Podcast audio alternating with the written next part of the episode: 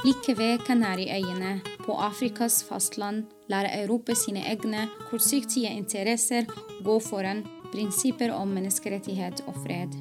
Velkommen til Sandfast, vår podkast om Vest-Sahara, den siste kolonien på det afrikanske kontinent.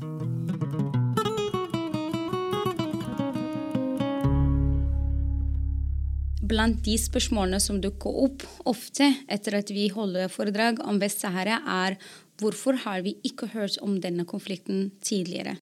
Dagens gjest er Rikard Skreteberg. Eh, han har i mange år jobbet med forskjellige internasjonale konflikter gjennom sin jobb i Flyktninghjelpen. Selv om Flyktninghjelpen aldri hatt prosjektet i Vest-Sahara, har både organisasjonen og Richard vært svært tidligere om den humanitære og politiske krise i Vest-Sahara. I disse dager er Richard opptatt med å skrive en bok om Flyktninghjelpens 75 år lange historie. Richard, velkommen, og tusen takk at du kunne være med meg i dag med denne episode. Velkommen. Takk for invitasjonen. Jeg tenkte vi skulle snakke om hvorfor noen konflikter er mer glemte enn andre. Hvorfor tror du okkupasjonen av Vest-Sahara har litt denne skjebnen å falle utenfor medienes og opinionens oppmerksomhet? Ja, det er et interessant spørsmål. Eh, Vest-Sahara er ikke glemt, men neglisjert. Og jeg vil faktisk si det så sterkt at eh, Vest-Sahara på en måte var et gjennombrudd også i Flyktninghjelpen når det gjaldt tenkingen rundt det vi da kaller neglisjerte konflikter. Nettopp fordi at den passet helt inn i de kriteriene vi hadde satt opp på neglisjering. Eh, og når jeg besøkte flyktningleirene eh, første gang i 2006, så blei jeg veldig oppmerksom på at de tre kriteriene vi hadde satt opp, nemlig mangel på internasjonal støtte økonomisk, altså bevilgninger, manglende medieoppmerksomhet og ikke minst mangel på politisk vilje, det slo rett inn når vi begynte å samle informasjon om hva som foregikk i Vest-Sahara. Den gangen så husker jeg at det var veldig iøynefallende hvordan Manglende bevilgninger førte til at flyktningene hadde en veldig vanskelig situasjon. Det var lite mat, veldig lite fersk mat, og folk eh, ble rammet f.eks. av anemi, som spesielt da gikk utover eh, kvinnene. Eh, det var dårlig undervisningstilbud for ungene. Jeg selv, som ser på meg selv som ganske politisk og, eh, og, interessert i humanitære spørsmål, hadde på forhånd lite kunnskaper om Vest-Sahara. Jeg spurte meg selv hvorfor vet jeg ikke mer om dette. Og Det kom jo bl.a. av at mediene var tause om situasjonen og hadde vært det i mange år. Men det som opprørte meg mest, var egentlig det vi kaller mangel på politisk vilje. Og når vi begynte å gå inn i bakgrunnen for konflikten, så ble jeg ganske opprørt. Fordi sjelden så ser vi en konflikt hvor uretten er så åpenbar som i Vest-Sahara.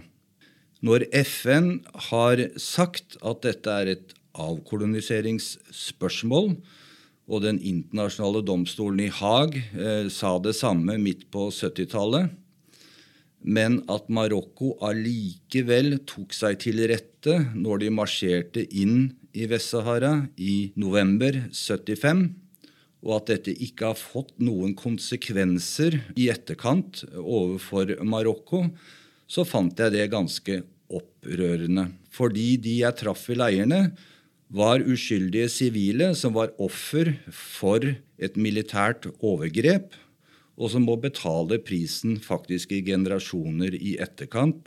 Så Vest-Sahara er åpenbart neglisjert av det internasjonale samfunnet. Eh, Saharawiene var lovet en folkeavstemning av Marokko og FN, som de aldri fikk. Hvorfor lykkes ikke FN å løse konflikter som utgjør et så klart brudd eh, folkeretten?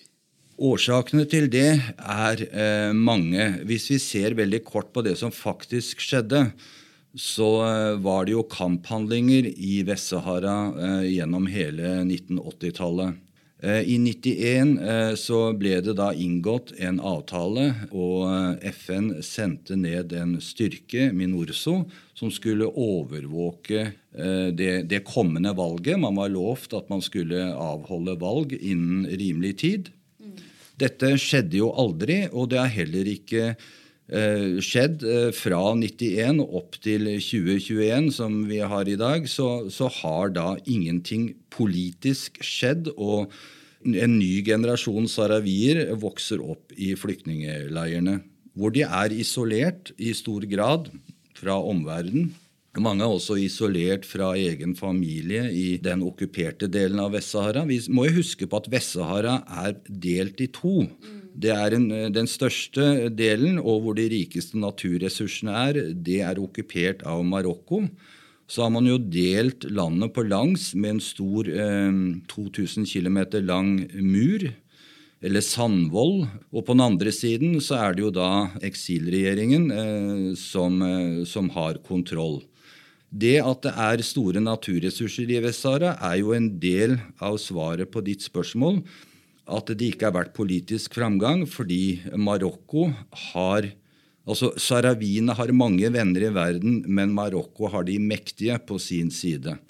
Så det hjelper ikke å ha rett hvis du på en måte ikke har eh, mektige eh, venner. Og så må vi jo da i denne konteksten eh, prøve å analysere hvorfor. Det er jo åpenbart at Spania som gammel kolonimakt hadde et stort ansvar for det som skjedde i etterkant. Det ansvaret har ikke spanjolene tatt. Jeg husker tilbake i tid så snakket jeg med en person som jobbet ganske høyt oppe i spansk forvaltning på departementsnivå, og jeg spurte han direkte om forholdet mellom altså Spania og Vest-Sahara.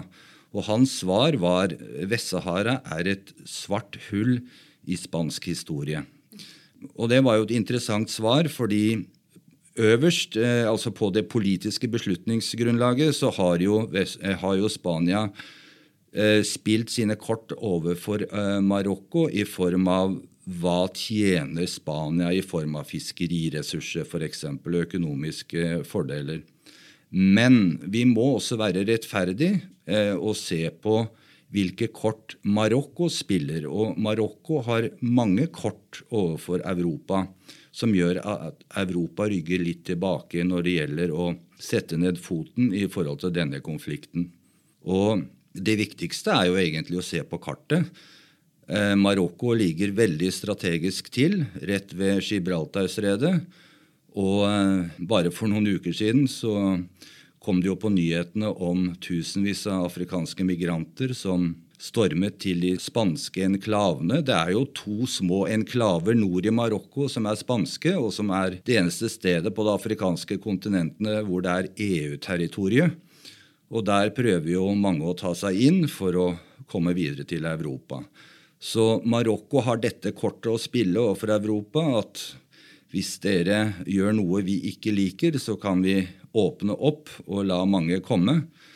Det samme gjelder narkotikasmugling f.eks. Eh, så Spania har en del kort som de kan bruke eh, for at EU ikke skal på en måte ta tak i dette problemet på en ordentlig måte. Ja, og det du nevnte, det som har skjedd i Spania, at tusenvis av eh, immigranter kom inn på spansk territorium, så fikk det masse medieoppmerksomhet, for det handla om immigrasjon. Den har ja, påvirka Europa på en måte, men også det var positivt til Vest-Sahara-spørsmål, fordi plutselig dukket opp altså, navn Vest-Sahara i flere artikler over eh, hele verden. Men dessverre så til vanlig så er det ekstremt lite mediedekning i Vest-Sahara. Jeg husker da jeg kom til Norge og det til flere land, hvor sjokkert jeg var av hvor lite folk visste om Vest-Sahara.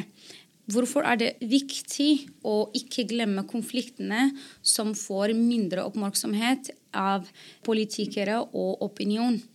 Ja. Det er jo viktig selvfølgelig først og fremst for de som rammes av det. Eh, og da tenker jeg på de sahrawiske flyktningene. Vi har eh, andre internasjonale spørsmål som også er neglisjert. Vest-Papua, Indonesia f.eks., Bhutan-flyktningene. Ingen kan vel si at Palestina er neglisjert, men det er manglende politisk vilje til å gjøre noe med deres situasjon. Av de samme grunnene som jeg har nevnt når det gjelder eh, Vest-Sahara. Og det er vel sånn at verden er skrudd sammen på den måten at menneskerettigheter og internasjonale kampanjer de blir jo veid på en sånn politisk vektskål som er balansert ut fra styrkeforholdet i verden. Og det er jo litt bemerkelsesverdig at et land som Frankrike f.eks., som i dag sier at de kjemper demokratiets og folkerettens sak diverse steder, f.eks. i Afrika, at det landet har vært en garantist for at Marokko kan fortsette sin fremferd i Vest-Sahara. Og når vi snakker om folkerett og det å følge FNs konvensjoner, så snakker vi om prinsipielle standpunkter. Eh, og da kan man ikke bare følge det de gangene det gagner en selv. Hvis alle gjør det, så får vi jo ikke en global orden på hvordan konflikter skal løses. Og dette er i Vest-Sahara-situasjonen og den konflikten, så er det jo åpenbart at uh, her er det en dobbeltmoral ute og går. Uh, og den bør ikke få lov til å fortsette, fordi det tjener verken freden i Nord-Afrika eller uh, i verden generelt. Man vil jo ha store problemer med å kritisere de man ikke liker, hvis man selv ikke følger prinsippene. Mm. Ja, og så En ting, for eksempel, Rikard, når jeg prøver å følge med hva som skjer i verden, men det er særlig ting som handler om uh, flyktninger.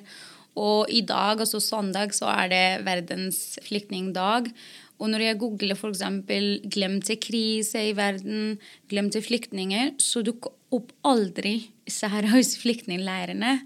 Du har snakket en del om det og hvorfor, men hvem som bestemmer på en måte hva som er glemte krise. eller um, og så En annen gang så var jeg i Nord-Norge, hvor en film ble vist om Vest-Sahara og de flyktningleirene. Og jeg husker at det var andre flyktninger som er i Norge, som er flyktninger i Norge, som så på film. Og så kom de til meg etterpå og sa ah, oh ja, vi tenkte at det var om Syria. Eller det, jeg følte at noen kriser er viktigere enn andre, eller de er verdt enn andre.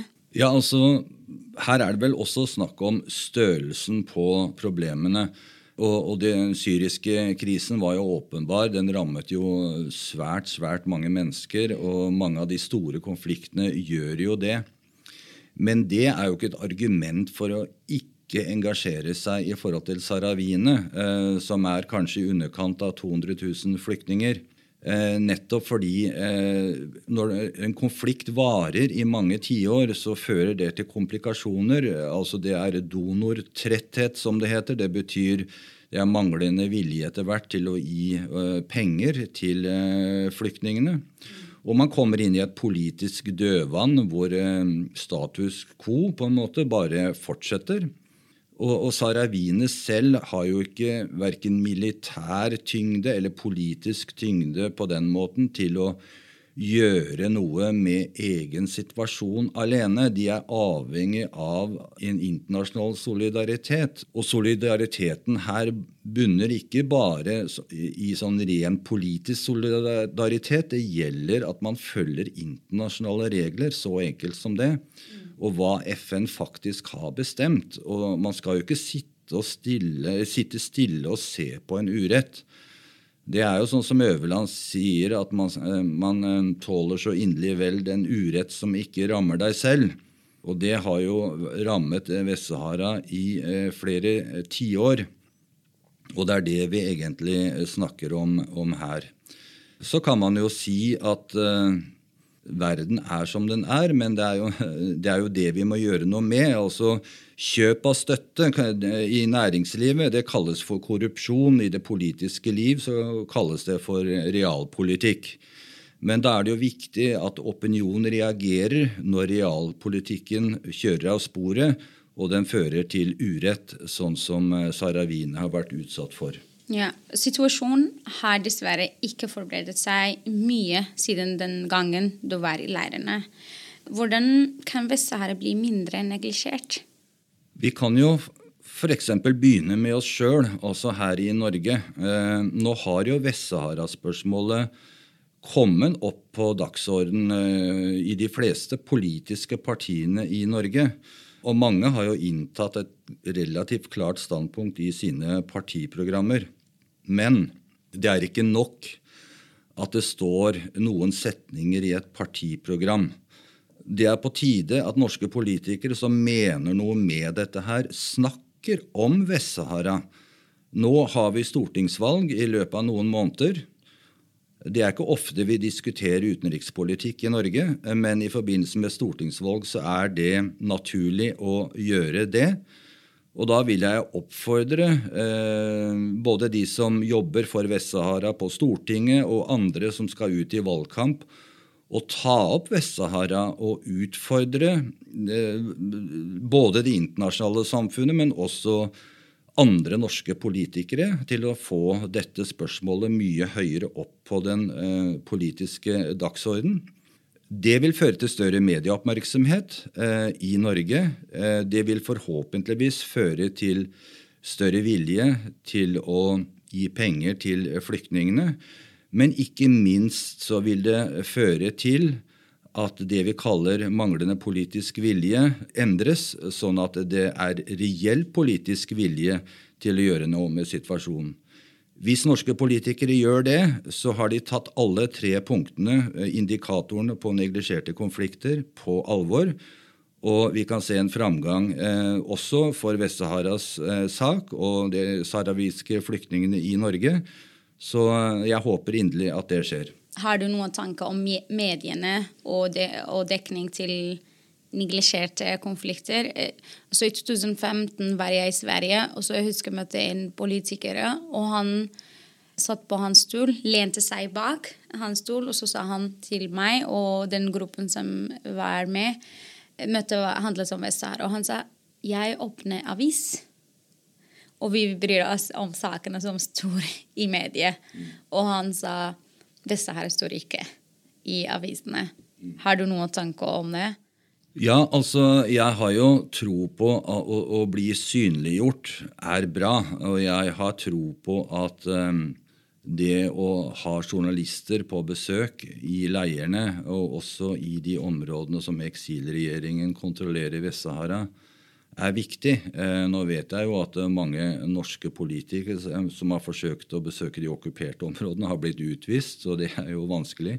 Men jeg tror ting henger sammen. Altså dette med medieoppmerksomhet kan vekke politikerne.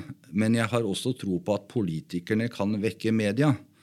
Og det er derfor jeg eh, gikk ut nå og sa at norske politikere som har tatt opp dette på sine landsmøter eller eh, i politiske sammenhenger og få inn Vest-Sahara-spørsmålet i partiprogrammene, de må gjøre noe mer enn det. Eh, de må snakke om det i diskusjoner. De må ta det opp som et utenrikspolitisk tema, sånn at du får en forsterket holdning i Norge. Og det er det vi i Norge kan gjøre. Så er jo da Norge også eh, nå i Sikkerhetsrådet i FN. Der er det nok vanskeligere. Eh, rett og slett fordi Frankrike sitter der og liker seg ikke i forhold til dette spørsmålet. Når vi snakker om menneskerettighetene i okkuperte områder, så er det vel mye som tyder på at Russland og Kina, som også sitter i Sikkerhetsrådet, ikke er så opptatt og ønsker å få det spørsmålet så veldig høyt opp. Men i FNs generalforsamling kan det være mulig. Der sitter jo uh, alle verdens land nesten. Eh, og de ulike komiteene i FN. Altså Det er mange måter å jobbe på uh, i forhold til dette spørsmålet. I EU-sammenheng er det mulig å jobbe med dette spørsmålet. Så påvirkningsarenaene er relativt mange. Det er som vi sier uh, i disse neglisjerte konfliktindikatorene, at uh, det er mangel på politisk vilje til å gjøre noe. Hvis du får den viljen, så er det mange arenaer å, å, å, å ta dette spørsmålet opp på. Tusen takk, Rikard. Um, og jeg setter kjempestor pris på at du har vært med oss i dag. Uh, lykke til med din bok. Jeg gleder meg til å lese det. Tusen takk, Asriya. Hvis du vil lære mer om konflikten, gå til vest-sahare.no.